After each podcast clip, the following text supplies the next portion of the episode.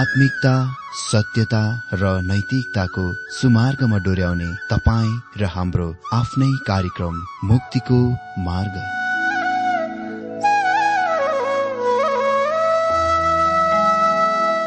आदरणीय श्रोता यस मुक्तिको मार्ग कार्यक्रममा हार्दिक स्वागत छ। आशा छ यस आत्मिक कार्यक्रमद्वारा जीवनमा आत्मिक आशिष अलौकिक शान्ति र आनन्द प्राप्त गर्नुहुनेछ। र जीवनमा धन्य अनुभव गर्नुहुनेछ।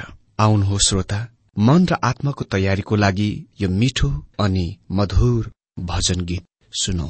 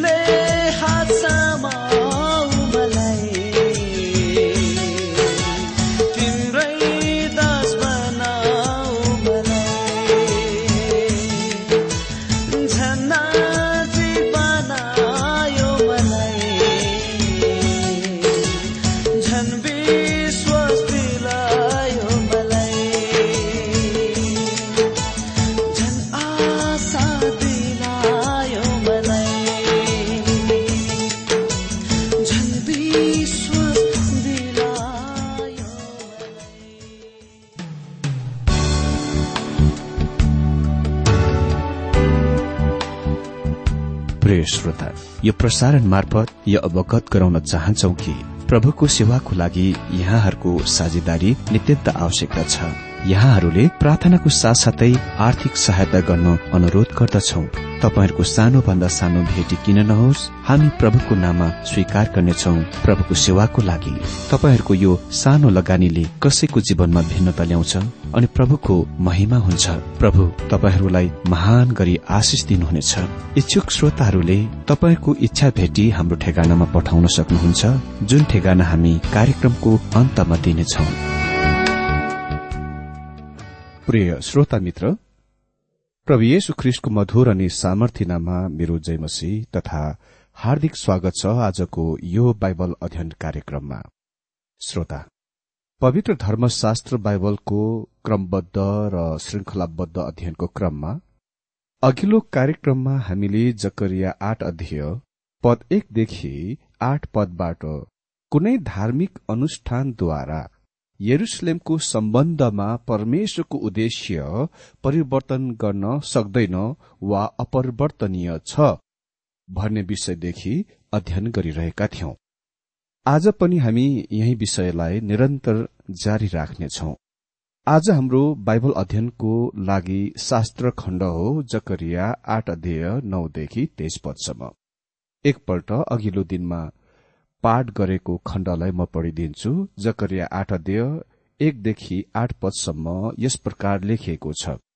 फेरि सर्वशक्तिमान परमप्रभुको यो वचन म कहाँ आयो। सर्वशक्तिमान परमप्रभु यसो भन्नुहुन्छ सियोनको निम्ति म साह्रै डाई भएको छु। म त्यसको निम्ति डाहाले जलिरहेको छु। परमप्रभु यसो भन्नुहुन्छ म फर्केर सियोनमा आउनेछु र यरुसलेममा बास गर्नेछु। तब यरुसलेम सत्यको सहर भनिनेछ र सर्वशक्तिमान परमप्रभुको पर्वत चाहिँ पवित्र पर्वत भनिनेछ। परमप्रभु यसो भन्नुहुन्छ यरुसलेमका गल्लीहरूमा फेरि पूरा उमेर पुगेका लोग्ने मानिस र स्वास्नी मानिसहरू आफ्नो उमेरको कारण हातमा लौरो टेकेर बस्नेछन्। सहरका गल्लीहरू चाहिँ खेल्ने केटा केटीहरूले भरिएको हुनेछ। सर्वशक्तिमान परमप्रभु यसो भन्नुहुन्छ त्यसबेला यी मानिसहरू मध्येबाट बचेकाहरूलाई त्यो कुरा अचम्मको लाग्ला। तर के त्यो मेरो नजरमा पनि अचम्मको होला त? सर्वशक्तिमान परमप्रभु भन्नुहुन्छ। सर्वशक्तिमान परमप्रभु यसो भन्नुहुन्छ हेर म मेरो प्रजालाई पूर्वको देश र पश्चिमको देशदेखि बचाउनेछु। म तिनीहरूलाई यरुसलेममा बस्नलाई ल्याउनेछु। तिनीहरू मेरो प्रजा हुनेछन्। र म तिनीहरूका परमेश्वर भएर तिनीहरूप्रति विश्वासी र धार्मिक हुनेछु। मित्र यी सबै कुरा ख्रिष्टको हजार वर्षीय राज्य युगमा पूरा हुनेछ। यो भविष्यवाणी अहिलेसम्म पूरा भएको छैन। यो भविष्यमा मात्र पूरा हुनेछ। यसले आफ्नो परिपूर्णता अन्तिम दिनतिर हेर्दछ जसको बारेमा हामीले अघिल्ला दिनमा विवरण सहित हेरिसकेका छौं। हजुर पद नौदेखि उन्नाइसमा देख्छौ कि बेबिलोनबाट आएका नयाँ प्रतिनिधि मण्डलहरूले महिमित भविष्यको प्रत्याशाको दृश्यमा भविष्य वक्ता हग्गाई र जकरियाका भविष्यवाणीहरूको सुन्नुपर्नेछ। मित्र साथै तिनीहरूले आज्ञाहरूका पनि पालन गर्नुपर्नेछ। यसको मतलब यो होइन कि तिनीहरू बेबिलोनको सत्तरी वर्षको कैद वा बन्धुवापछि फर्किआएका बचेका इसरायलीहरूसँग सँगै अघि पहिले नआएकोले गर्दा तिनीहरूलाई आज्ञाहरूको पालन गर्नेदेखि छुट दिइएको छ। अह यो हुन सक्दैन। तिनीहरूले जकरिया र हागगाई भविष्य वक्ताको कुरा सुन्नै पर्दछ। आठ अध्ययको नौ पदमा लेखिएको छ सर्वशक्तिमान परमप्रभु यसो भन्नुहुन्छ तिमीहरू जसले अहिले ती अगमवक्ताहरूद्वारा भनेका वचनहरू सुन्दछौ जो सर्वशक्तिमान परमप्रभुका भवनको जग बसाल्दा त्यहाँ थिए। तिमीहरूका हातहरू बोल्या हुन् कि मन्दिरको निर्माण हुन सकोस्। ती अगमवक्ताहरू चाहिँ जकरिया र हागै हुन्। तिनीहरूले नै मानिसहरूलाई मन्दिर निर्माण गर्न उत्साह दिएथे।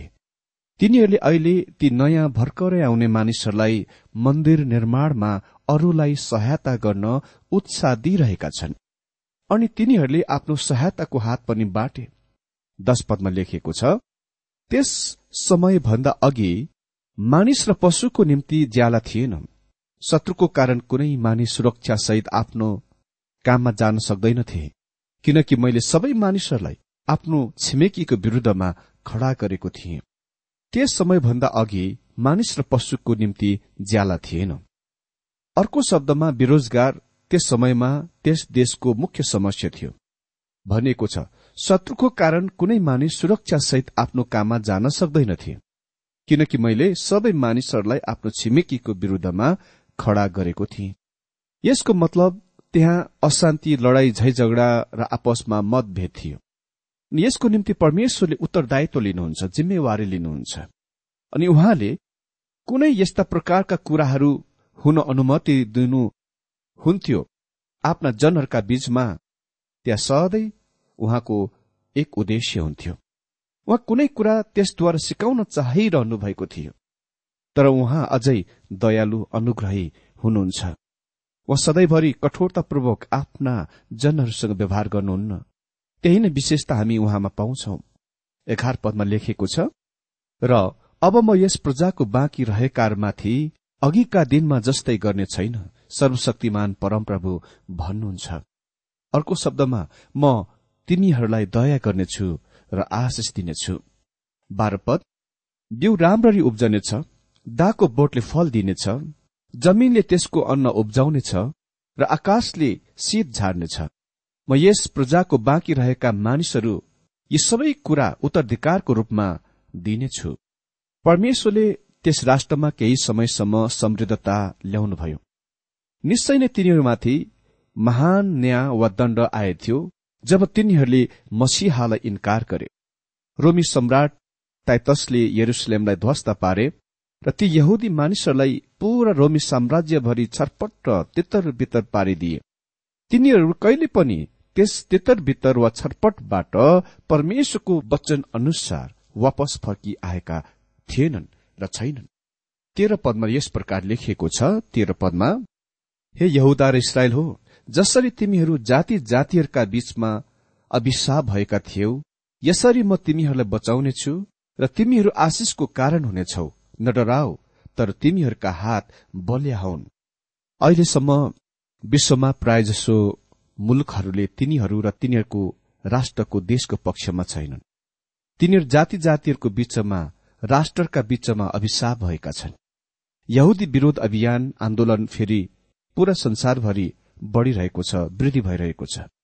परमेश्वर यहाँ भन्नुहुन्छ जब म तिनीहरूलाई उद्धार गर्नेछु र तिनीहरूलाई त्यस मुलुकमा वापस फर्कै ल्याउनेछु तिनीहरू संसारको निम्ति आशिषका कुरा बन्न गइरहेका छन्। म विश्वास गर्दछु कि पृथ्वीका अन्य जाति राष्ट्रहरूको लागि इसरायलको राष्ट्र वा जाति पुजारीहरू हुनेछन्।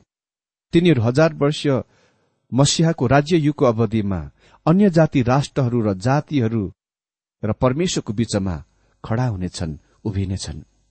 चौध पदमा लेखिएको छ सर्वशक्तिमान परमप्रभु यसो भन्नुहुन्छ जसरी तिमीहरूका पिता पुर्खाले मलाई रिस उठाउँदा तिनीहरूलाई विपत्ति ल्याउने अठोट गरेथे र मैले पछुतो गरिन सर्वशक्तिमान परमप्रभु भन्नुहुन्छ। सर्वशक्तिमान परमप्रभु यसो भन्नुहुन्छ यो कुराको ध्यान दियो कि यो कथन कतिपल्ट उल्लेख भइसकेको छ। जसरी तिमीहरूका पिता पुर्खाले मलाई रिस उठाउँदा तिनीहरूलाई विपत्ति ल्याउने अठोट गरेथे र मैले पछुतो गरिन। सर्वशक्तिमान परमप्रभु भन्नुहुन्छ। अर्को शब्दमा परमेश्वर भन्नुहुन्छ मैले त्यसको बारेमा मेरो मन बदलिन बदलेको थिइन। यस खण्ड भागमा हामीले त्यो समयतिर हेरिरहेका छौं जब परमेश्वरले यरुसलेमलाई यो पृथ्वीको राजधानी बनाउन गइरहनु भएको छ। परमेश्वर भन्नुहुन्छ कुनै कुराले उहाँको आफ्नो उद्देश्यबाट उहाँलाई पूरा गर्नदेखि रोक्न सक्दैन। उहाँले यो आफ्नो अद्भुत असीम अनन्त अनुग्रहद्वारा पूरा गर्न इरादा गर्नुहुन्छ। रोमीहरूलाई लेख्दा पावल भन्छन् रोमी नौ अध्ययको पन्ध्र अनि सोह्र पदमा उहाँ मोसालाई भन्नुहुन्छ जसमाथि म कृपा गर्न चाहन्छु त्यसलाई म कृपा गर्नेछु र जसलाई म ठेट्याउन चाहन्छु त्यसलाई म ठेट्याउनेछु। यसकारण मानिसको इच्छा वा प्रयास माथि यो निर्भर गर्दैन तर परमेश्वरको कृपामाथि यो निर्भर गर्दछ। मोसा परमेश्वर कहाँ गए र यस सम्बन्धमा प्रार्थना गरे? उहाँले इसरायलका सन्तानहरूलाई नष्ट नगरून् भनेर। परमेश्वरले भावमा भन्नुभयो मोसा म तिम्रो प्रार्थनाको सुन्नेछु। तर तिम्रो बिन्ती यस कारणले म सुन्न गइरहेको छैन किनभने तिमी मोसा हौ। अह म ती मानिसहरूलाई कृपा र दया देखाउनेछु जसलाई म कृपा र दया देखाउन चाहन्छु। त्यसकारण मानिसको इच्छा वा प्रयासमाथि यो निर्भर गर्दैन। मतलब तमाम किसिमको धार्मिक अनुष्ठान धर्मविधि र धेरै चर्च सेवाहरूका विधिहरूका पछ्याउन वा पालन गर्न कोसिसमाथि यो निर्भर कति पनि गर्दैन। मित्र तर यो खालि प्रभु येशु ख्रिष्ट माथि मात्र निर्भर गर्दछ निर्भर छ जसले कृपा र दया देखाउनुहुन्छ। हामी पाउलसँग भन्न सक्छौ हामी जो छौं सो उहाँको अनुग्रहद्वारा हौ। पन्ध्र पद। त्यसरी नै अब यरुसलेमलाई र यहुदालाई फेरि भलाइ गर्न मैले निश्चय गरेको छु तिमीहरू नडराओ परमेश्वरले मानिसहरूलाई भन्नुहुन्छ यो यस कारणले गरिरहेका छैन किनभने तिमीहरू धार्मिक अनुष्ठान संस्कारहरूको पालन गरिरहेका छौ पछ्याइरहेका छौ वा तिमीहरूले धार्मिक अनुष्ठानहरूको उपेक्षा गरिरहेका छौ व्यवस्था गरिरहेका छौ। चाहे तिमीहरू यो गर या तिमीहरू नगर तर म तिमीहरूलाई कृपा देखाइरहेको छु। तर यो त्यस स्वयं नै अन्त होइन। आशिषको समय अति नै सानो हो। परमेश्वर ती आगामी सालौं वर्षहरूको बीचमा भएर हेर्नुहुन्छ र भन्नुहुन्छ त्यो दिन आइरहेको छ जब फेरि म तिमीहरूसँग व्यवहार गर्न इरादा गर्दछु। र त्यस दिनमा म यस पृथ्वीमाथि महिमित कुरा गर्नेछु। उहाँले हजार वर्षीय राज्यको समयतिर हेरिरहनु भएको छ। अहिले जब तिनीहरूले अन्तिम दिनहरूमा परमेश्वरलाई प्रतिनिधित्व गर्न गइरहनु भएकोले गर्दा यसको मतलब होइन कि तिनीहरूले आफूले चाहे अनुसार मन परी कुनै पनि कुरा गर्न सक्छन्। हामी कहाँ अनुग्रह र कृपा फैलाइएको छ। तर यसको यो मतलब यो होइन कि हामी कुनै प्रकारको जीवन जिउन सक्छौ। यद्यपि कोही कोही मानिसहरू त्यसरी सोच्दछन् अहिले परमेश्वर भन्नुहुन्छ सो कुरा सुन्नुहोस्। सोह्र पदमा तिमीहरूले गर्नुपर्ने काम यी नै हुन्। एक अर्कासँग साँचो बोल्ने गर र आफ्ना न्यायालयमा सत्य र असल न्याय गर। तिमीहरूले गर्नुपर्ने कामहरू यी नै हुन्। के तपाईँले ख्रिस्टलाई आफ्नो उद्धारकर्ताको रूपमा विश्वास गर्नुभएको छ? तब तपाईँ कृपा र अनुग्रहद्वारा उद्धार पाउनु भएको छ। तर एक मिनट पर्खनुहोस्। उहाँ भन्नुहुन्छ युहन चौधको पन्ध्र पदमा यदि तिमीहरू मलाई प्रेम गर्छौ भने मेरा आज्ञाहरू पालन गर। यदि तपाईँ उहाँलाई प्रेम गर्नुहुन्छ भने तपाईँ उहाँका आज्ञाहरूको पनि पालन गर्न गइरहनु भएको छ। तपाईँ उद्धार पाउनको निम्ति यी आज्ञाहरूको पालन गर्नुहुन्न। किनभने तपाईँ कृपा र अनुग्रहद्वारा उद्धार पाउनु भएको छ। तपाईँको जीवनको आज्ञाकारिताले कहिले पनि र कुनै पनि कुरा तपाईँको उद्धारको सम्बन्धमा गर्दैन। भनिएको छ एक अर्कासँग साँचो बोल्ने गर। हाम्रो दिन चाहिँ त्यो दिन हो कि झुट बोल्ने कुरा हरेक क्षेत्रमा पाइन्दछ सत्य बोल्ने कुराको लागि व्यापार वाणिज्यमा भर पर्न सकिँदैन। विज्ञापन अति नै धेरै बेठिक छ। अनि सत्य बोल्ने कुराको लागि संचार माध्यमहरू पनि त्यति भरोसा गर्न लायकका छैनन्। मित्र सरकारलाई पनि सत्य बोल्ने कुराको लागि भरोसा गर्न सकिँदैन। अनि यसले कुनै भिन्नता पार्दैन कि तपाईँ जुनसुकै पार्टीको बारेमा कुरा गर्नुहोस्। यो यस्तो देखाइ पर्दछ कि जीवनको कुनै पनि पेसामा व्यवसायमा मानिसहरूलाई भरोसा गर्न सक्नुहुन्न। न पत्रकार सामाजिक कार्यकर्ता न वैज्ञानिकहरू। यी सबै क्षेत्रहरूमा हामी पत्ता लगाइरहेका छौं कि सत्यता भन्ने कुनै कुरो छँदै छैन। भनिएको छ एक अर्काली साँचो बोल्ने गर र आफ्ना न्यायालयमा सत्य र असल न्याय गर। सत्र लेखिएको छ आफ्नो छिमेकीको विरूद्धमा खराब षड्यन्त्र नगर र झुट्टा शपथ खान नरुचाउ यी सबै कुरा म घृणा गर्दछु परमप्रभु भन्नुहुन्छ। आफ्नो छिमेकीको विरूद्धमा खराब षड्यन्त्र नगर। यसको मतलब तपाईँले कुनै पनि ती कुराहरूको लालच गर्नु हुँदैन जुन तपाईँका छिमेकीसँग छ। र झुट्टा शपथ खान नरुचाउ यी सबै कुरा म घृणा गर्दछु परमप्रभु भन्नुहुन्छ। वास्तवमा जकरियाले दश आज्ञाहरूका उल्लेख गरिरहेका छन्। दश आज्ञाहरूले हामीलाई केही त्यस्ता कुराहरूको देखाउँछ जुन परमेश्वर घृणा गर्नुहुन्छ। ती दश आज्ञाहरू हामीलाई उद्धार गर्न मुक्ति दिन दिइएको छैन तर ती कुराहरू हाम्रा जीवनहरूमा हामीलाई देखाउनलाई दिइएका छन् जुन परमेश्वर घृणा गर्नुहुन्छ। तिनीहरू हामीलाई यो देखाउन दिइएका छन् कि हामी उहाँ कहाँ फर्कन आवश्यक छ। हामी अति नै धेरै विभिन्न रंगी बिरंगी स्टिकरहरू देख्छौ जुनले भन्छ परमेश्वर प्रेम हुनुहुन्छ। त्यो महान कुरा हो। परमेश्वर प्रेम हुनुहुन्छ। तर परमेश्वरले घृणा पनि गर्नुहुन्छ। तपाईँ कुनै कुरालाई प्रेम गर्न सक्नुहुन्न अर्को कुरालाई घृणा नगरिकन। यदि तपाईँ सत्यको प्रेम गर्नुहुन्छ भने तपाईँले झुटको घृणा गर्नुहुनेछ। यदि तपाईँ आफ्ना बच्चालाई प्रेम गर्नुहुन्छ भने तपाईँ तपाईँले पागल कुकुरलाई घृणा गर्नुहुन्छ जुन तपाईँको घरको आँगनमा आफ्नै बच्चालाई टोक्न आउँदछ। परमेश्वरले केही निश्चित कुराहरूको घृणा गर्नुहुन्छ जस्तै परमेश्वर झुट बोल्ने कुराको घृणा गर्नुहुन्छ। परमेश्वर लालचको घृणा गर्नुहुन्छ। उहाँले धेरै ती कुराको घृणा गर्नुहुन्छ जुन आज संसारले गरिरहेका छन्। अठार अनि उन्नाइस पदमा लेखिएको छ फेरि सर्वशक्तिमान परमप्रभुको यो वचन मौका आयो। सर्वशक्तिमान परमप्रभु यसो भन्नुहुन्छ चौथो पाँचौं सातौं र दशौं महिनामा हुने उपवासहरू यहुदाको निम्ति रमाहाट खुशीका समय र आनन्दका चाडहरू हुनेछन्। यसै कारण तिमीहरू सत्य र शान्ति रुचाऊ। परमेश्वर तिनीहरूलाई भन्नुहुन्छ मैले कहिले पनि तिमीहरूलाई कुनै उपवासको दिनहरू दिइन। तिमीहरूले उपवास राख्न र धार्मिक संस्कार धार्मिक अनुष्ठानका पछ्याउनलाई छुट्याएका दिनहरूलाई म पर्व चाडको दिनमा परिवर्तन गर्न गइरहेको छु। अर्थात रमाहाट खुशीको दिनहरूमा प्रेम सत्य र शान्तिको दिनहरूमा। मित्र यिनै कुराहरू हाम्रा समकालीन संस्कृति र समाजमा अनुपस्थित छन्। यदि हामीले महान बाइबलीय र वचनमा लेखिएको नैतिक महत्वको सिकाए यसले आज हाम्रो समाजमाथि महान प्रभाव पार्न सक्ने थियो। भावमा परमेश्वर भनिरहनु भएको छ म चाहन्न तिमीहरू अति नै धर्मनिष्ठ नजर वा रूप र गम्भीर चेहरामा आएको। म चाहन्छु तिमीहरू मेरो सामुने आनन्द र हर्षसँग आएको। मेरो मित्र हामी धेरैजना क्रिस्चियन विश्वासी हुने कुराको आनन्द भोग गरिरहेका छैनौं।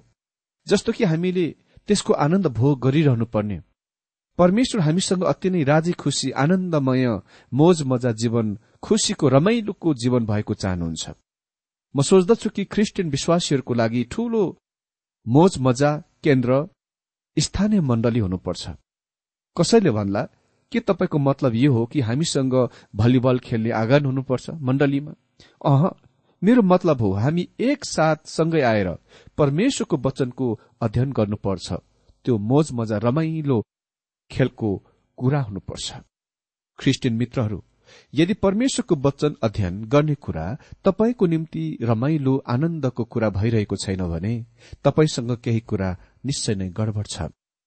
बीस र एक्काइस पदमा लेखिएको छ सर्वशक्तिमान परमप्रभु यसो भन्नुहुन्छ धेरै शहरका बासिन्दाहरू र धेरै मानिसहरू अझै आउनेछन् र एउटा शहरका बासिन्दाहरू अर्को शहरमा यसो भन्दै जानेछन् परमप्रभुलाई बिन्ती चढाउन तुरन्त जाऊ र सर्वशक्तिमान परमप्रभुलाई खोजौ म आफै पनि जानेछु।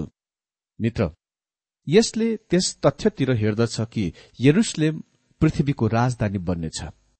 केवल राजनीतिक राजधानी मात्र होइन तर धार्मिक राजधानी पनि। यसले त्यो समयतिर हेर्दछ जुनलाई हामी हजार वर्षीय राज्यकाल भन्दछौं। यो पूरा हुन आउनलाई बाँकी नै छ। त्यो कुनै त्यस्तो कुरा हो जुन भविष्यको लागि छ। अनि बाइस पद। धेरै सामर्थ्य जातिहरू र मानिसहरू यरुसलेममा सर्वशक्तिमान परमप्रभुको खोजी गर्न र उहाँको निगा प्राप्त गर्न आउनेछन्। मित्र स्पष्ट रूपमा भन्नुपर्दा यरुसलेम अहिले प्रार्थना गर्ने जाने कुनै आदर्शको स्थान होइन।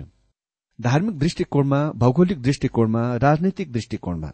तर हजार वर्षीय प्रभुको राज्य शासनकाल अवधिमा परमेश्वरको सरकारको केन्द्र त्यो स्थान बन्नेछ हामीले पहिले यसैयाको दोस्रो अध्यायको संकेत गरिसकेका छौं अनि यस्तै त्यहाँ धेरै अन्य शास्त्रहरू छन्। यसले नमूनाद्वारा यो कुराको स्पष्ट पार्दछ किन जकरियाको पुस्तकको अध्ययन गर्न अति नै धेरै महत्वपूर्ण छ। हाम्रा दिनमा धेरै शिक्षकहरूले दानियलको पुस्तकको सम्बन्धमा पुस्तकहरू लेखेका छन्। यदि तपाईँ औषध बाइबल कलेजका पुस्तकालयहरूमा वा कुनै असल पुस्तकालयमा जानुभए तपाईँले दानियलको पुस्तकको सम्बन्धमा लेखिएका एकपछि अर्को पुस्तकका भाग भोल्युमहरूको पत्ता लगाउनुहुन्छ। तर त्यहाँ तपाईँले जकरियाको पुस्तकको सम्बन्धमा लेखेका पुस्तकहरू चाहिँ अति नै कम पाउनुहुन्छ। म एकजना बाइबल शिक्षकलाई जान्दछु। जसले विश्वास गर्दैनन् कि त्यहाँ कुनै हजार वर्षीय राज्य शासनकाल अवधि नै हुनेछ। या प्रभुको हजार वर्षीय राज्य शासनकाल नै हुनेछ। मिलेनियम किङडम हुनेछ भन्नेमा उनी विश्वास गर्दैनन्। उसले विश्वास गर्दैनन् कि परमेश्वर फेरि कहिले इसरायलतिर फर्कनेछ वा उहाँ यरुसलेमतिर फर्कनुहुनेछ। उनी विश्वास गर्दछन् कि परमेश्वर इसरायलसँग व्यवहार गर्ने काम पूरा गरिसक्नुभयो। उसले दानियलको पुस्तकको विषयमा पुस्तक लेखे। र मैले भने कि मैले दानियलमा आफ्नो पोइन्ट वा बुँदाको प्रमाणित गरेको छु। मैले उसलाई भने के तिमीले कहिले यो कुरामा विचार गरेका छौ गम्भीरपूर्वक कि कुनै पनि भविष्यवाणी निजी व्याख्या वा अर्थ खोले हुन हुँदैन? तिमीले दानियलको पुस्तकलाई त्यो स्वयंद्वारा मात्र अध्ययन गर्नु हुँदैन। किन तिमीले त्यसमा जकरियाको पुस्तकलाई ल्याएनौ त? उसले मतिर हेरेर भने मलाई आवश्यक परेन।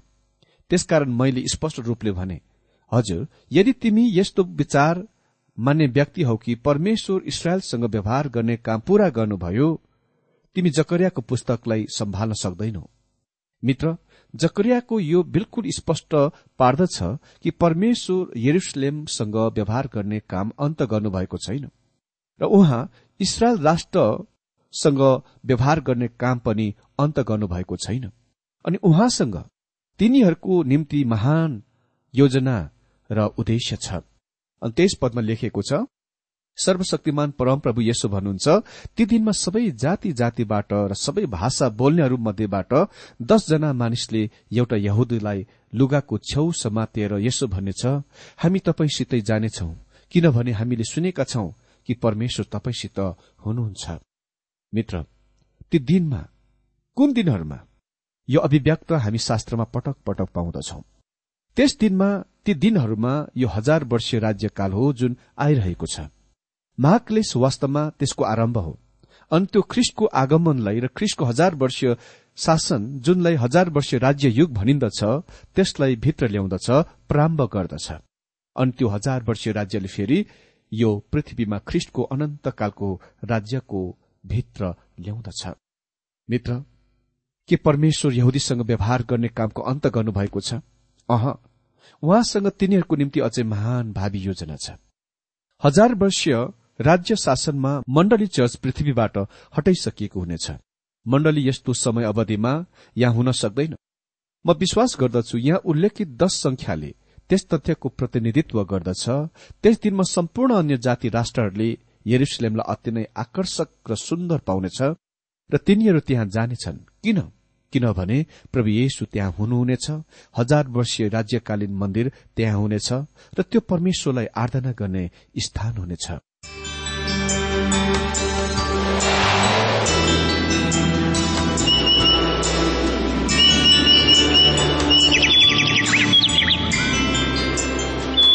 प्रिय श्रोता अहिले भर्खरै तपाईँले टीडब्ल्यूआर नेपालद्वारा सञ्चालित आत्मिक कार्यक्रम मुक्तिको मार्ग सुनिरहनु भएको थियो। श्रोता आजको यो कार्यक्रम सुनेर तपाईँलाई कस्तो लाग्यो? यदि यो कार्यक्रम सुनेर मनमा कुनै खुल्दुली वा कुनै प्रतिक्रिया अर्थात सुझावहरू छन् भने हामीलाई पत्रद्वारा लेख्न सक्नुहुनेछ। हामी हृदयदेखि नै स्वागत गर्नेछौ स्वीकार गर्नेछौ साथै बाइबल सम्बन्धित प्रचारहरू कार्यक्रम सारणीहरू हामी अनुरोधमा पठाउन सक्छौ। अनि तपाईँसँग कुनै प्रार्थनाको विषय छन् भने हामीले तपाईँको लागि प्रार्थना गरेको चाहनुहुन्छ। चाहनुहुन्छ भने प्रभुमा आफ्नै परिवार सम्झेर हामीलाई पत्रमा लेख्न सक्नुहुनेछ। तपाईँको लागि हामी प्रभु येशुसँग प्रार्थना गर्नेछौ। अधिक जानकारी र पत्रचारको लागि हाम्रो ठेगाना यस प्रकार छ। कार्यक्रम मुक्तिको मार्ग जीपीओ नम्बर उनानब्बे पचहत्तर एपिसी पच्चिस एकसठी काठमाडौँ। ठेगाना एकपल्ट सुन्नुहोला। कार्यक्रम मुक्तिको मार्ग जीपीओ नम्बर उनानब्बे पचहत्तर एपिसी पच्चिस एकसठी काठमाडौँ। हाम्रो इमेल एड्रेस हो TWR Nepal at Yahoo dot com साथै यस नम्बरमा एसएमएस गर्न सक्नुहुनेछ अन्ठानब्बे चार सत्तरी पैतिस छ सय उनासी नौ आठ चार सात जिरो तीन पाँच छ सात नौ। हुन्छ श्रोता आजलाई हामी विदा चाहन्छौ। अर्को कार्यक्रममा हामी पुनः भेट्नेछौ। तबसम्मलाई नमस्कार।